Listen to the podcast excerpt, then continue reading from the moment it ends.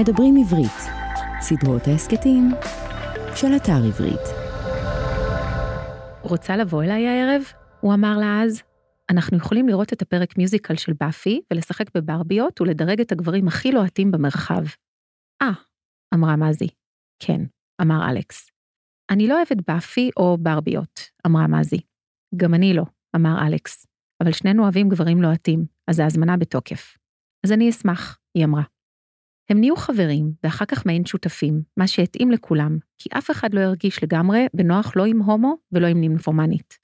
והם מצידם העדיפו אחד את השנייה על פני הממוטות, כמו שהם כינו את החוקרים האחרים. אלכס היה מבשל להם ארוחות אינסטגרם בזמן שמזי הייתה מקפלת לו את הכביסה.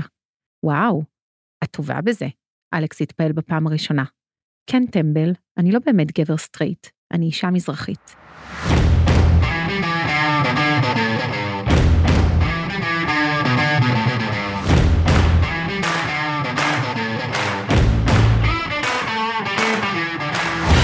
שלום לכל המאזינים והמאזינות שלנו, שלום גם לך, מעיין רוגל. שלום, אליאסיה.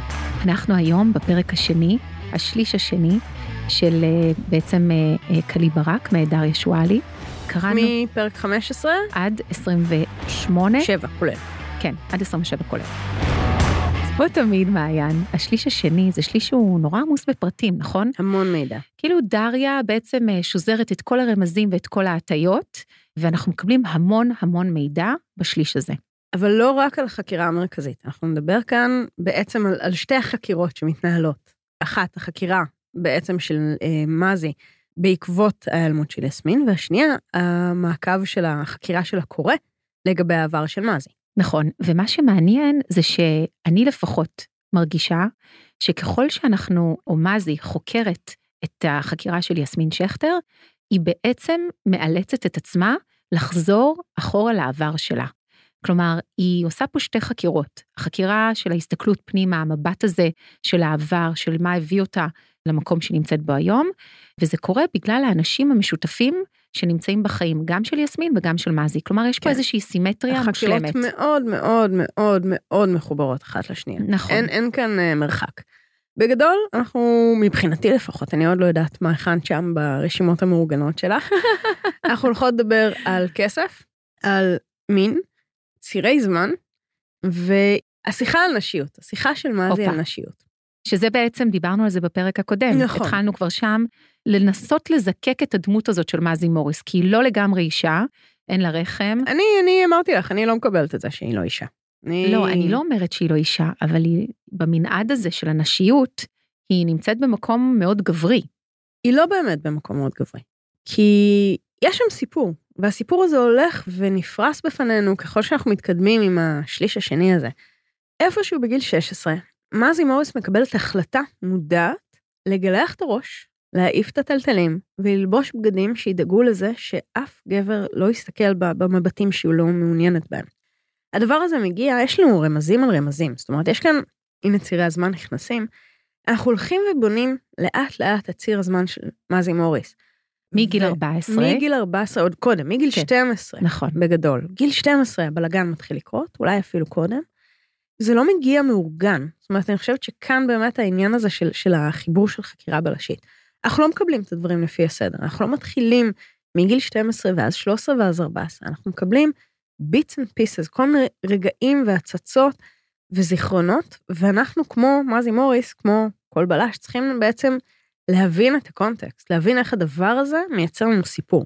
למה דברים הם כמו שהם? עכשיו, אפרופו הטלטלים, כן, שימי לב שיש שם סצנה שהיא אה, מספרת או נזכרת ברומן שלה עם אבא של דודי, בני. הוא היה בן 42, היא הייתה בת 14, הוא היה האבא של החבר הכי טוב הוא שלה. היה אבא של החבר הכי והוא טוב שלה. המנטור שלה. והיא מספרת איך הם שוכבים במיטה, והיא שוכבת על הבטן עם הפנים מופנים עליו, והוא מנטף לה את הטלטלים. בדיוק. כלומר, כנראה היה שם משהו בפרידה הזאת ביניהם, שגרם לה, אני לא יודעת. או בפגיעה או המינית. בפגיעה יש כאן המינית. פגיעה מינית מאוד מאוד מאוד אה, קשה. ומתי אנחנו אה, נחשפים לזה בעצם? אנחנו עוד לא יודעים בדיוק שזה זה, אבל אנחנו משערות. שוב, יכול להיות שזה עוד יתהפך לנו על הראש, אבל אה, אני אגיד לך אה, מתי אני שמתי לב, כשבעצם היא נפגשת עם עלמה, החברה כן. הזאת של אה, נכון. יסמין. Hmm, איזה רגע זה.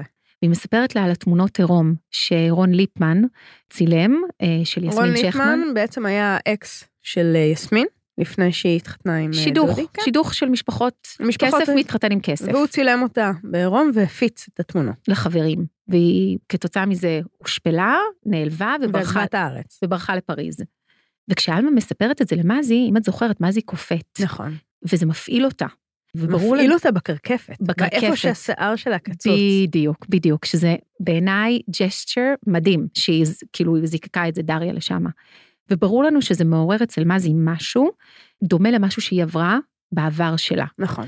היא מדברת על זה, היא נכון. מדברת על זה שהיא היא, היא מבינה. היא מבינה מבפנים את יסמין, כי היא מבינה מה זה אומר אישה שסוחבת פגיעה מינית. היא יודעת מה ההשלכות, היא יודעת איך זה נראה, היא יודעת איך זה מרגיש. והיא יודעת לשאול את השאלות הנכונות. כן. כן. וזה שוב הסימטריה הזאת בין הבלש לבין הקורבן. בדיוק. ובין הקורא. זאת אומרת, אנחנו נכון. כל הזמן ב- בטריו הזה. כן. אז אנחנו אומרים ככה, בגיל 12, ג'וש, אבא של אה, מזי, נוסע בעקבות העבודה שלו כמאמן אה, נשק ומאבטחים, ונעלם בפרו. פעם אחרונה שאנחנו יודעים על אה, הימצאו זה מפרו. נכון. נכון. וזה היה לפני שנים, מעולם לא שמענו מהם- ממנו מאז. שום דבר. היא בנקודה הזאת גדלה אצל סבא וסבתא שלה, ואז הם מתים בתאונה, והיא בעצם לבד מתחילה להתגלגל במערכת, עד שבגיל 16 היא עוברת למרק. נכון. ומרק מאמץ אותה ומגדל אותה יחד עם בנג'י בנג'י וטילי. וטילי. סבבה. עכשיו, אנחנו יודעים שבגיל 14, בתוך כל הכאוס הזה, יש לה רומן, רומן. יש שם בעצם פגיעה מינית אה, שהיא נפגעת על ידי בני, אבא של דודי. היא לא חושבת שהיא נפגעת. אני לא מסכימה איתך, אני היא חושבת, חושבת עוד- כן. שכן, כי היא אהבה אותו. יש שם היא אהבה. אהבה אותו, אבל היא גם יודעת כמה זה דפוק. נכון. שילדה בת 14 חושבת שהיא יכולה להיות מאוהבת. נכון. היא אומרת, מה צריך לקרות בעבר של נערה כדי שהיא תחשוב שהיא יכולה להיות מאוהבת בגבר בן 42? אולי היא נפגעה מינית לפני? בדיוק, הנה, את רואה? כן. זה, זה פעולת כן. הבלש, יש לנו כאן שאלות, אנחנו לא יודעים. נכון. אנחנו צריכים להבין מה אם את קרה. זוכרת, מתי. נכון, אם את זוכרת בפרק הקודם, אמרתי שאותי, נכון, מעניין החקירה של יסמין שכטר, אבל מה שבאמת מעניין אותי זה מה מה קרה זה שם, ב- מוריס? בדיוק, מה- ברור. מה קרה שם בעבר שלה. אז זה גיל 14, ואם בני דודי מקנא, הוא יודע על זה. הדבר הזה נמצא ברקע של היחסים שלהם, והוא כי הוא יצוף עוד פעמיים, פעם אחת בתוך ההווה של הסיפור, פעם נכון. אחת בתוך המפגש שלהם הנוראי נוראי. בלונדון. ששנייה, רגע, אפשר להגיד, מזי מוריס, שמגיעה כאילו מהכלום, פוגשת את פרינס אנדרו. אפשר רגע להתעכב על זה? אפשר להתעכב על כאילו, זה. וזה כאילו באגביות. אני כזה, רגע, שנייה, יש פה רגע, יש פה רגע. פרייסלס. שנה אחרי הקשר עם בני, גיל 15, יש לה רומן עם הנגר, שהיא עד עכשיו הולכת אליו לסקס מזדמן כשהיא צריכה, והוא גם איזשהו מרחב בטוח עבורה. בגיל 15 היא מכירה אותו, ואז אנחנו מתחילים להבין שהדבר הזה של המיניות המוגברת, של ההיפר המטורף הזה, התחיל בגיל שזה לא חינני, שזה לא בריא, שזה לא תקין, שאם עכשיו אנחנו מסתכלים על זה ואומרים, אוקיי, רגע, האם זה חופש או הרס עצמי? ברגע שנכנס גיל 15, ברור שזה יושב על שורש הפגיעה בה, נכון, אוקיי? אבל לא כל אלה גורמים לה לעשות את הפעולה שהיא עושה. כי רק בגיל 16 היא מגלחת את הראש, ומפסיקה ללכת עם בגדים שיגרמו למישהו להסתכל עליה. אין יותר מכנסיים קצרים, אין יותר חצאיות אה, ו- ושמאלות, יש רק בגדי שקים ושיער מגולח, ומזי מוריס מייצרת לעצמה שריון. והשריון הזה נשאר עד עכשיו. כי גם כשהיא אחר כך פוגשת את דודי בלונדון שנים אחר כך, היא בחליפה עם רמיזות, כן? כאילו, היא בלי חזייה והחולצה פתוחה ואין לה עניבה וזה, אבל זה עדיין חליפה. היא- זה לא- בדיוק. זה לא שמלה וזה לא אה, חצאית, זה עכשיו- חליפה. גברים לובשים חליפות. היא כל הזמן בשריון. מהמם. היא כל הזמן שומרת על ה... נכון, כאילו, זה, זה לא באמת אה, מי שהיא. זה מה שהיא בוחרת כדי להגן על עצמה. נכון, זה המגננה שלה. ולכן השאלה על מגדר היא, היא לא מדויקת. היא גברית או נשית? לא. היא אישה שצריכה להגן כי נשיות היא, היא פגיעה. היא פגיעה. מהמם. היא אפילו יפה. לא כלי נשק, זה, זה משהו שהוא הפוך ל- לנניח... אה, זה כאילו הפוך על לצוות הפוך. אותי. זה, זה הפוך על הפוך, וזה הפוך נניח מ- מצוות אותי, ששם כאילו הנשיות והמיניות, זה, זה יתרון. נכון, כאן הנשיות היא פגיעה. וגם המיניות. זה, זה, זה, בדיוק. זה מה שאמרתי, כל הזמן זה יכשיל אותה, כל הזמן זה מכשיל אותה. וזה גם פגיעה עצמית. זאת אומרת, יש מקומות ברור. שהמיניות היא חופש, ויש מקומות שהיא... הרס, כן, זאת אומרת, היא הרס. אומרת שהיא שהיא הולכת אה, לאונן באלימות, נכון, או שהיא הולכת כדי לשכב- להיכנס לפוקוס. כן, אבל זה לא באמת להיכנס ברור. לפוקוס. זה כדי להעיף את הכאב הפנימי, כי כ- כל פעם זה מתחיל נכון. להיות איזשהו מנגנון שגם אפשר לעקוב אחריו, במה מפעיל אותה. הנה הרמזים שלנו. מהמם. כשהיא נוגעת במשהו קרוב מדי, הרמת הרס עצמי בסקס גדלה. עולה. נכון. אז אני רוצה שנייה לדבר רגע על הפרטנרים שלה לסקס. אוקיי. אני לא יודעת אם שמת לב, אבל כל הבחורים שמזי שוכבת איתם, זה אנשים שעובדים עם הידיים, נכון. אוקיי? מוסכניק, נגר, זגג, עוד מוסכניק, אוקיי? יש רק- גם כל מיני אקראים שאנחנו לא יודעים עליהם כלום ויש הם רק מספר. אבל- אה, נכון, נכון, אבל הם כולם כאילו אנשים כזה, את יודעת, כמו... אנשים... אנשי עבודה. אנשי עבודה, בדיוק. וממעמד סוציו-אקונומי מאוד ספציפי. מאוד, מאוד, בדיוק. ודווקא היחיד שהוא איש של מילים, אוקיי? מהמם. שהוא לא עובד עם הידיים, הוא עובד עם הראש, אמיר גואטה, היא לא נגעה בו. היא לא נוגעת בו.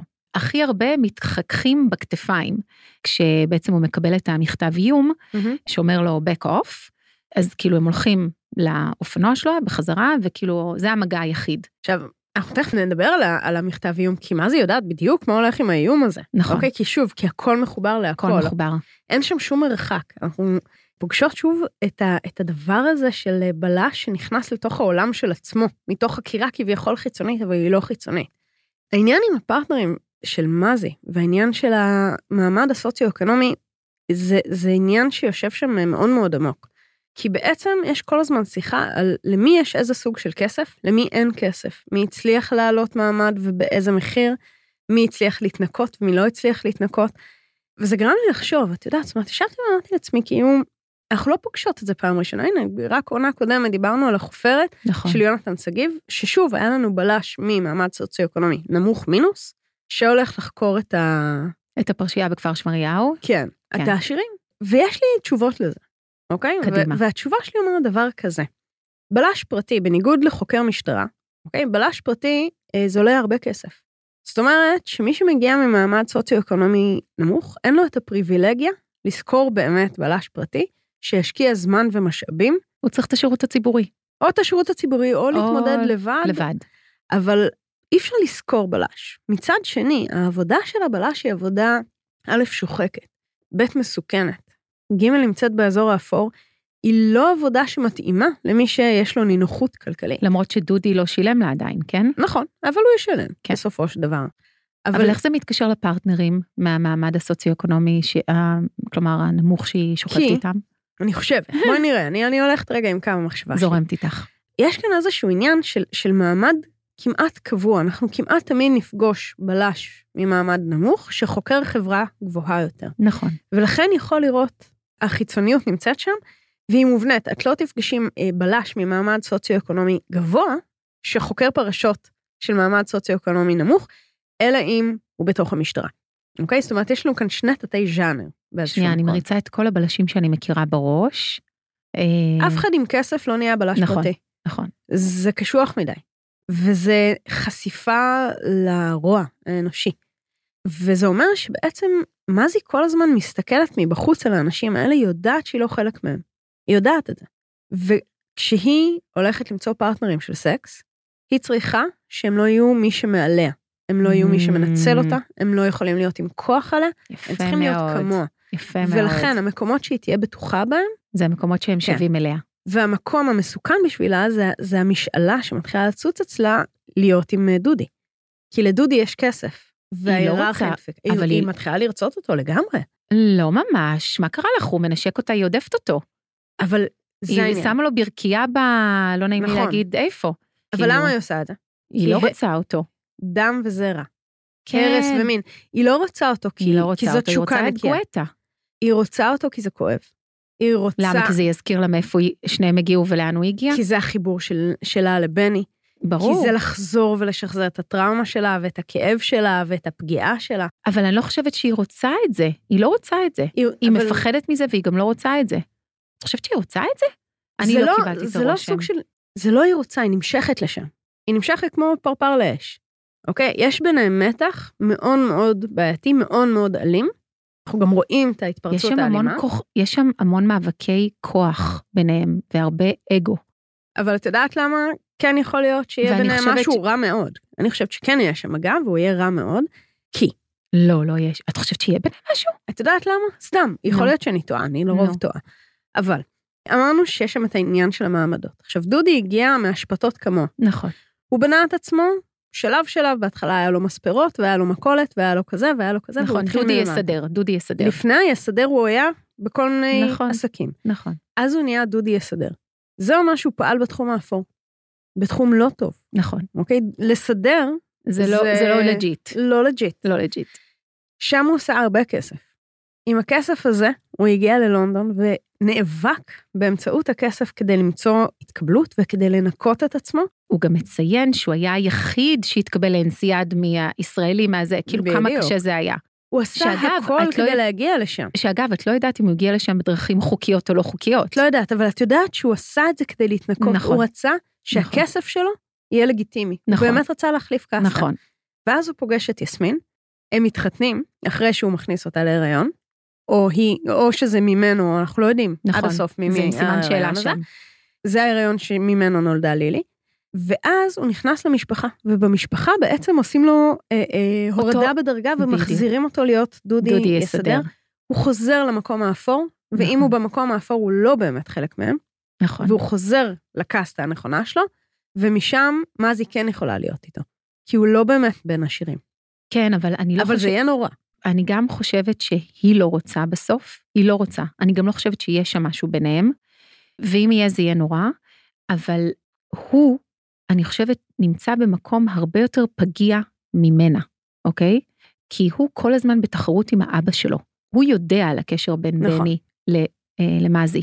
והוא לא רואה את זה כפגיעה, שזה הדבר המדהים שם. בדיוק. זו הנקודה, שהוא לא רואה את זה, כי הוא, זה מין איזה בליינד ספוט אצלו, אבל הוא במין תחרות סמויה עם אבא שלו, שכבר לא בין החיים, כן. כדי להיות איפה שהוא היה עם מזי. בדיוק. ולדעתי, מזי לא רוצה אותו, היא רוצה את גואטה. מבחינת רגש, היא רוצה, ברור שהיא רוצה את גואטה. אבל במקום הזה שסקס שווה הרס וזרע שווה דם, היא תימשך לשם, כי היא רוצה לנסות לעשות את התיקון. זה לא לנסות, זה, אני לא חושבת שיש שם מחשבה רציונלית. לא, אני- בתוך כל נכון. הסקס הזה אין מחשבה אין, רציונלית, אין. אין תיקון, אין לא, את ניקיון. צודקת, את צודקת. יש שם אין. משיכה כזאת, יש יש כאן אה, אה, כן, כמו שאיבה, פרפר כן. לאש, בדיוק, כמו פרפר לאש, אמרת ו- את זה מדויק. וזה הכוח ה- הנורא מעניין שלה, במ- כוח אני קוראת לזה, זה החולשה שלה. החולשה, אבל ב- משם היא רואה את יסמין. כי מה שקורה לנו בפרשה המרכזית, זה בעצם החשיפה הזאת שהולכת ועולה, והיא מבינה, היא מבינה בבת אחת שיסמין עברה פגיעה מינית, ככל הנראה בתוך המשפחה, וכשהיא הולכת אה, לדבר עם אה, רועי, שהיה בעצם חבר של ארי ושל עוד כן. אנשים שם מתוך כל הבלגן הזה, אה, והוא זה גם שפגש את יסמין ביום שהיא נעלמה עם הרכב הכסוף, נכון, אבל לא לקח אותה. לא לקח אותה. אנחנו יודעים שהוא לא משקר כי הוא מגיש תה. אגב. נכון, זה נורא עקבי העניין הזה. מאוד עקבי. אגב, ברגע שאמרת את זה, והתחלתי לקרוא את השליש השני, את רואה הכל. התחלתי לשים לב לזה, וזה כל כך ברור, סופר עקבי. סופר עקבי, היא נכנסת, מישהו מגיש לה משהו, את תראו, יודעת יודעת שהוא- שאפשר... כן, שאפשר לסמוך עליו, שהוא טוב. בדיוק. כן. אז אמ, כשהיא מדברת עם רועי, נורא קשה לו להגיד את זה, אבל בסופו של דבר הוא לוקח הרבה אוויר, לוקח שוט של וויסקי ובא ואומר, אבא שלה פגע בה. אבל בנוסף לזה שאבא של יסמין פגע בה, אוקיי? יש שם רמיזות ויש שם כיוון ויש שם חשש אמיתי שהיה לו רומן, רומן, גילוי עריות עם ארי. שגם בדיוק. ארי בעצם אז פגע בה. פה, אז בדיוק, אני רוצה שנייה לדבר על זה, כי יש את העניין הזה של, אמ, הרי מזי הולכת לדירה של ארי, מהמם. ששו, שזה הנהג של אה, דודי, מכניס כן. אותה לשם, ובעצם אנחנו רואים דירה נקייה, אין כלום, הכל כמו בקטלוג, כמו בז'ורנל, היא מוצאת שם שני דברים, אחד, זה ספר ילדים שנקרא אורה כפולה, מהמם. של ערך קסנר, שאנחנו יודעים הרי את הסיפור, שתי של שתי חיות תאומות, שהופרדו ופוגשות אחת את בדיוק. השנייה ואז מתחלפות. בדיוק. אז יש שם כבר איזשהו רמז סביב הנושא של האחים, ואז אה, היא רואה תמונות שבאחת התמונות כתוב משהו כמו, הגם אתה ברוטוס, נכון. אוקיי? שזה לקוח ממחזה של וגם שייקספיר. הלוואי והייתי ברק. נכון, הלוואי והייתי ברק. עכשיו, אנחנו יודעים לאורך גם מעלמה, גם, כלומר, אנחנו יודעים לאורך כל החקירה הזאת שיש קשר אובססיבי בין השניים, בין ארי לבין יסמין. אנחנו יודעים שהם שניהם אחים, כשמהנישואים הקודמים היה את יש את שאול. שאול, שהוא מאימא אחרת. נכון. ובעצם לאורך כל החקירה מזי מגלה שאף אחד לא טיפל בהם. כלומר, יש איזה מישהי בשם ורה פורטנוי, שהיא כנראה הייתה au pair, והיא מנסה להתחקות אחרי עקבותיה ולהבין מי היא, אבל האבא לא היה בתמונה, כלומר, הם בגדול גדלו לבד. ומשהו בכל הרמזים האלה, לכאורה, רוצים לכוון אותנו לחשוב, כי הרי נותק שם הקשר בין ארי ויסמין בהמשך. רוצים, כלומר, התחושה היא שדריה מנסה לכוון אותנו שיש שם איזשהו משהו עם האחים, אבל אני חושבת שארי בכלל היה גיי, אוקיי. ככה אני בתחושה שלי, אוקיי. כי קודם כל את מסתכלת על הדירה, על כל החליפות, על כל איזה, כאילו, וגם משהו אז שאמרו שם בקצבייה, אם אה, הייתה מישהי באה אליו ובסוף זו כן. הפסיכולוגית, כאילו משהו מרגיש לי שגם הכל איתו מוזר. הכל איתו מוזר. גם שלא היה לו מישהי, רצו אותו, אבל בנות, נשים, הם לא עניינו אותו. אני חושבת שאולי הוא גיי, אבל משהו בקשר בינו לבין יסמין, לכן אני לא חושבת שהוא זה שאולי התעלל ביסמין, אני לא חושבת שהייתה שם פגיעה. אני יכול להיות שזה רד הרינג, אוקיי? חושבת- זהו, אבל, אה, וזה מה שאני רוצה להגיד. ל- בתחושה שלי, זה הטיות. מאוד יכול זה להיות. דריה תראי, רוב נותנת הסיכויים לנו שמי ש... מלכודות פה, שניפול בהם, אבל אנחנו כבר בעונה חמישית, אנחנו כבר למודות קצת ניסיון, אנחנו כבר לא לא, ניפול. לא בכזו קלות. גם מי שרצח, ברור לנו, הרי מהשנייה הראשונה היה ברור שארי נרצח. המקריות הייתה לא, לא נכון. סבירה. מי שרצח אותו ככל הנראה הוא הסיבה להיעלמות של יסמין, או שהוא העלים אותה, או שהוא הבריח אותה. אנחנו נכון. עוד לא סגורים על מה, מה באמת ובדיוק קרה שם. הכל מאוד מוזר, הכל מאוד מסובך, וגם יושבת עדיין השאלה של מה הקשר של המועדון ההוא בירושלים. כי... נכון, ככה סיימנו את השליש הראשון. נכון, היה את וכאילו- המועדון הנוראי הזה. היא- ולקח אותנו למקומות של סחר בנשים, נכון. של אה, נשים בזנות, לא יודעת, כזה. ופתאום אנחנו, בכל השליש השני אנחנו לא שומעים על זה אפילו משפט. אז זהו, אנחנו כן.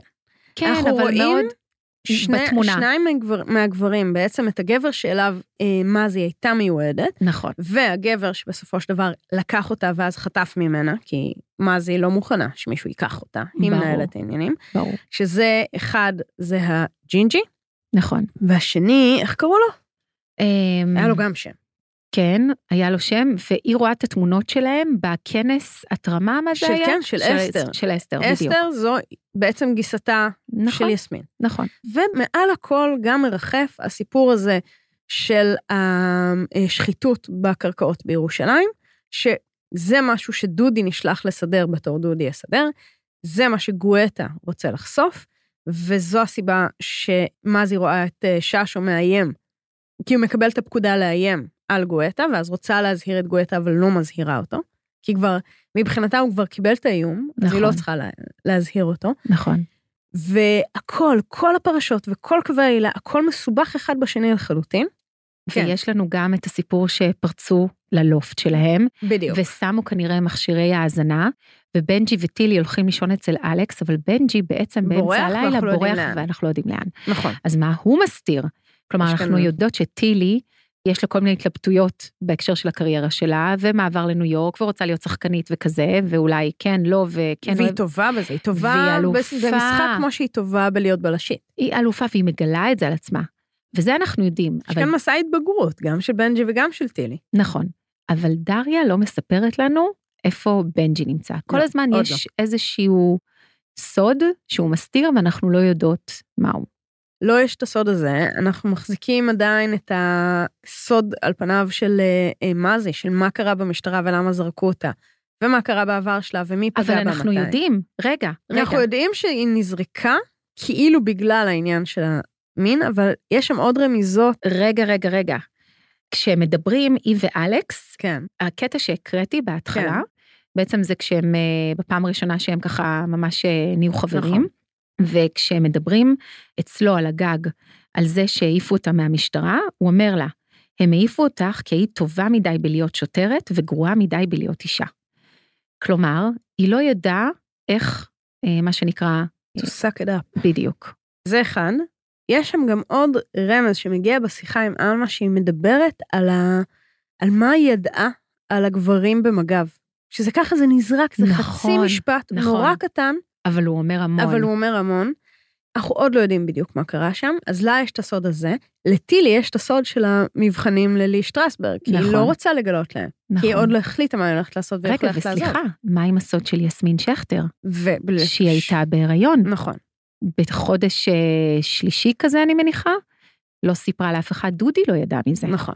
עכשיו שימי לב, מה שהגניב אותי ב- בשליש הזה, שכל הרמזים נמצאים במקומות של נשים.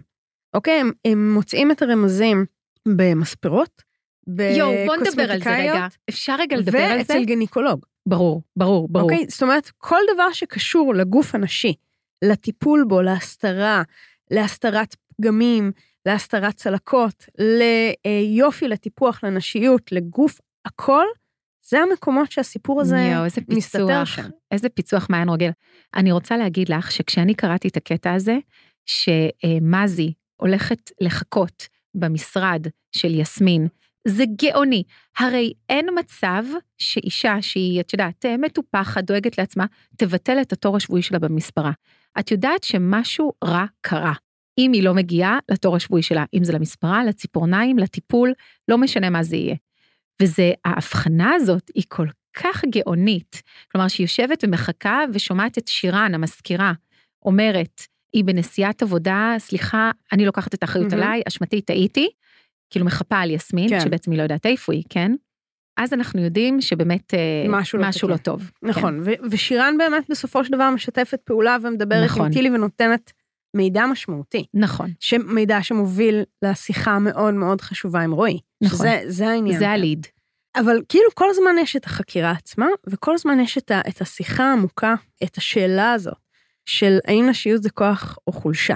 האם זה משהו ש- שאפשר לשרוד? האם אישה יפה, נשית, יכולה לשרוד ב- בעולם שבו מיניות היא כלי נשק?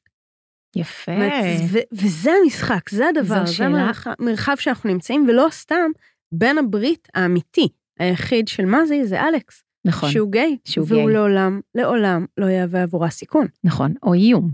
כן? כן, נכון. שזה עניין זו קריטי. שאלה נורא מעניינת, אמ, כי כשאת מסתכלת על הדמויות פה בעצם, על מזי, על יסמין, שאנחנו לכאורה לא פגשנו, רק שמענו עליה, וגם על טילי, ושירן, והדר, נכון. ואסתר, הן כולן בעצם, הנשיות שלהן היא מהווה עבורן, כאילו אני מסתכלת את זה באופן שבו דריה מציגה, זה מרגיש לי שהיא מציגה אותם באופן פגיע יותר. כלומר, הן לא משתמשות בכוח שלהן, הן יותר, אה, הן כן משתמשות, אבל כאילו הן מרגישות לי יותר פגיעות, הן כל הזמן במין מגננה, אוקיי? ומגננה, לגבי אסתר אני לא בטוחה, וואו, אסתר היא הכי במגננה. אני לא יודעת מה אני חושבת על אסתר. גם האישה הראשונה של אה, אדוארדו, אבא של... אה, נכון. שהיא מאוד פתוחה ו- ומדברת. כן, אבל היא אבל, תקועה, אה, היא נפגעה. תראי שה... החליפו אותה במודל חדש. נכון, אבל הפער הוא מי הנשים שמגיעות מכסף והן נשיות, ומי הנשים שמגיעות לא מכסף. זאת אומרת, המעמד היותר נמוך, כן, את רואה את ההבחנה הזאת כן. בדמויות פה מבחינת הנשיות, אם, היא- אם הדמויות הן, הנשיות הן במגננה או לא במגננה? אני לא יודעת להגיד את זה, אני לא חושבת את יודעת שכסף, מה? אני לא יודעת, אני... אני לא חושבת תראי, שכסף זה הפקטור, אני יש כאן חושבת, כסף ויש כאן מיניות, ורכישה של מיניות ורכישה של סקס, זה עוד לא פתור. אני חושבת ש- לא, ברור שלא. שהדבר הזה יושב שם, ואנחנו כנראה בשליש השלישי הכל, נראה את הכל ההקשרים ייפרם. האלה. אבל אני כן רוצה שנייה להתייחס לנקודה שאת, ואסתר ביץ', בואי.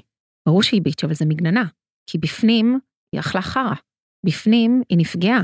אבל זה בדיוק העניין. מגיעה הנקודה שהחרא נכנס כל כך עמוק שהוא הופך לחלק ממנה. אני חושבת, תזכרי, היא לא הגישה כלום. נכון. היא לא הגישה כלום, היא מעורבת עם הנבלות האלה נכון. נכון. מהמועדון בירושלים, היא מסתירה, היא לא חושפת, היא יודעת הרבה יותר ממה שאנחנו יודעים. אסתר הולכת להיות... אה, לא, אני איתך, אני איתך. אני פשוט רוצה שוב להתייחס לשאלה היפהפייה הזאת שאת שאלת, או כל הסיפור הזה, איך הנשיות בכל הדמויות האלה מוצגת, האם היא פגיעה, או האם ממקום של כוח. אני חושבת שהאופן שבו דריה מציגה אותנו, ללא קשר כן. האם הן מגיעות מכסף או לא, נשיות היא... כן, שהיא עדיין מקום יותר פגיע. נכון, וגם שהן מגנות על עצמן, זה בגלל שהן מפחדות, ובעיקר מזי מוריס. נכון. אני רוצה לסמן לנו עוד נקודה אחת, לסיום. קדימה. וזה נקודת ה- האמצע הקלאסית, הנקודה הזאת שבה הבלש הופך להיות הניצוד. אוקיי? שהוא מנוצל על ידי כוחות הרוע. זה לא רק מנוצל, יש את ההיפוך. נכון. אוקיי? הצייד הופך לניצוד. זה, זה נקודה מאוד מאוד קלאסית. כמעט, אני לא יודעת לשים את האצבע על איפה זה לא מופיע. אבל כשחוקרים את האמת מספיק, מי שמנסה להסתיר, יתחיל לפעול נגד הבלש. וזה מה שקורה כאן. זאת אומרת, הניסיון לפרוץ ללופט, בעצם למשרד של מזי ובנג'י וטילי, אה, או ההצלחה וה- והטמנת מכשירי ההאזנה שם, זה נקודה שבה מישהו יודע מה הם עושים, ורוצה לעצור את זה. ועכשיו הוא עוקב אחריהם, והם צריכים להסתתר. אוקיי? זאת אומרת, זה את הנקודה. מדברת על דודי, שכנראה, כאילו, אנחנו לא יודעים אם זה דודי. את לא יודעת נכון. שזה דודי שנכנס. לא, אני לא לה. יודעת, אבל היא, הרי אישה שהוא מגיע בחמש בבוקר, נכון, לקחת אותה לא, אני- לדודי, נכון. אני- ואז היא שואלת אותו, את כאילו, את דודי, כשהיא כן. זה, זה אתה ששמת לי אה, את הדאגת שיפרצו כן. ללופט וישימו את המכשירי האזנה? אנחנו לא מקבלים תשובה על זה. כן. ברור שלא. אבל אני חושבת שזה לא בהכרח הוא. אנחנו עוד לא יודעים. אנחנו לא, הכל שם ברור. מאוד אה, בסימני שאלה, אני לא בטוחה שהוא צריך את זה בכלל. יש לו את ששו, הוא מאיים עליה פיזית. כן, אבל הוא מרגיש שהיא מסתירה ממנו מידע, ובגלל זה לדעתי. אבל שוב, אני לא יודעת, אין לי מושג. אבל- וגם מה- ביססנו את זה שאני כן. דימנטית. אבל מה שלא יהיה זה העניין הזה של הסימון של הרגע שבו אה, מה זה היא כבר לא הציידת, נכון. היא גם הניצודה. נכון, זו הבחנה ומה מצוינת. זה הולכת להיות מאוד מסוכנת בנקודה הזאת? כי גם יש לנו אקדח, והאקדח הופיע פעמיים. נכון. פעם ראשונה אצל רועי, שהיא מניחה אותו על השולחן וטילי הולכת לשירותים, נכון. ופעם שנייה אצל דודי. נכון, שהוא שולף מסור נכון. כדי לעשות רעש ושאף אחד לא יאזין, והיא לרגע נבהלת ובטוחה שהוא הולך לפגוע בה ושולפת עליו אקדח. עכשיו, אקדח שנשלף פעמיים, היא שלף גם בפעם השלישית. והיא רע, נכון. אוקיי? זאת אומרת, מישהו הולך לחטוף כדור בשליש השלישי, אין לגבי זה ספק בכלל. מי? וואלה, אני לא יודעת. גם אני לא. זה מאוד מסקרן. לאן זה מאוד הולך. מסקרן, מאוד. אני, אני חושבת שהגברים מהמועדון שם עוד לא ספגו מספיק. זאת אומרת, אה, זה יחזור... זה יחזור לסצנה ההיא? תראי, המועדון ההוא הוא מקור הרוע, הוא המקום הנמוך ביותר שמאז היא הייתה בו אי פעם, והיא הייתה בהרבה מקומות מאוד מאוד נמוכים, נכון, מבחירה אגב, באלנבי היא הולכת לשם מבחירה. וגם לא ו- מבחירה וגם ב- לא מבחירה. בילדות ובנערות שלה. נכון.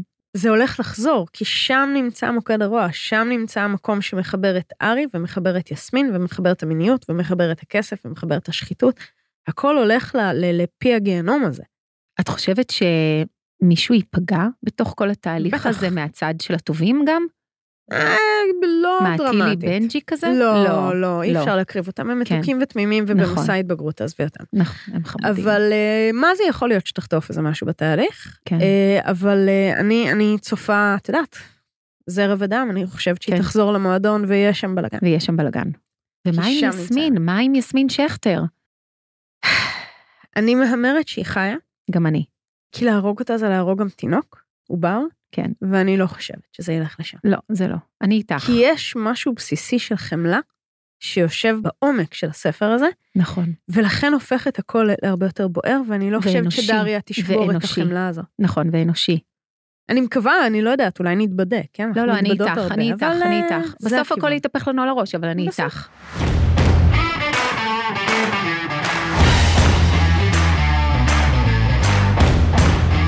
אוקיי, אז יש לנו את זה. איזה שליש נכון? שני מהמם. אפשר ללכת לקרוא? כן. אוקיי. אז רגע, אז אנחנו קוראות בעצם את השליש האחרון, שזה כן. מפרק 28 עד הסוף. ו... אה. ובאות לפה עוד פעם, שבוע הבא להקליט. ואז וגם- אחרי זה יש לנו רעיון עם דריה. יואו, איזה כיף. ממש, אני סקרנית ויש לי הרבה ש... גם לי. טוב, הלכנו לקרוא, יאללה. לכו גם. תודה רבה לך, מעיין רוגל. תודה רבה, ניני אסיה, ותודה לדולב אזולאי, טכנאי הסאונד שלנו, ש... והעורך שלנו. שבלעדיו שום דבר לא היה קורה. אה, ותודה לכם, שהאזנתם והאזנתן. ונתראה שבוע הבא.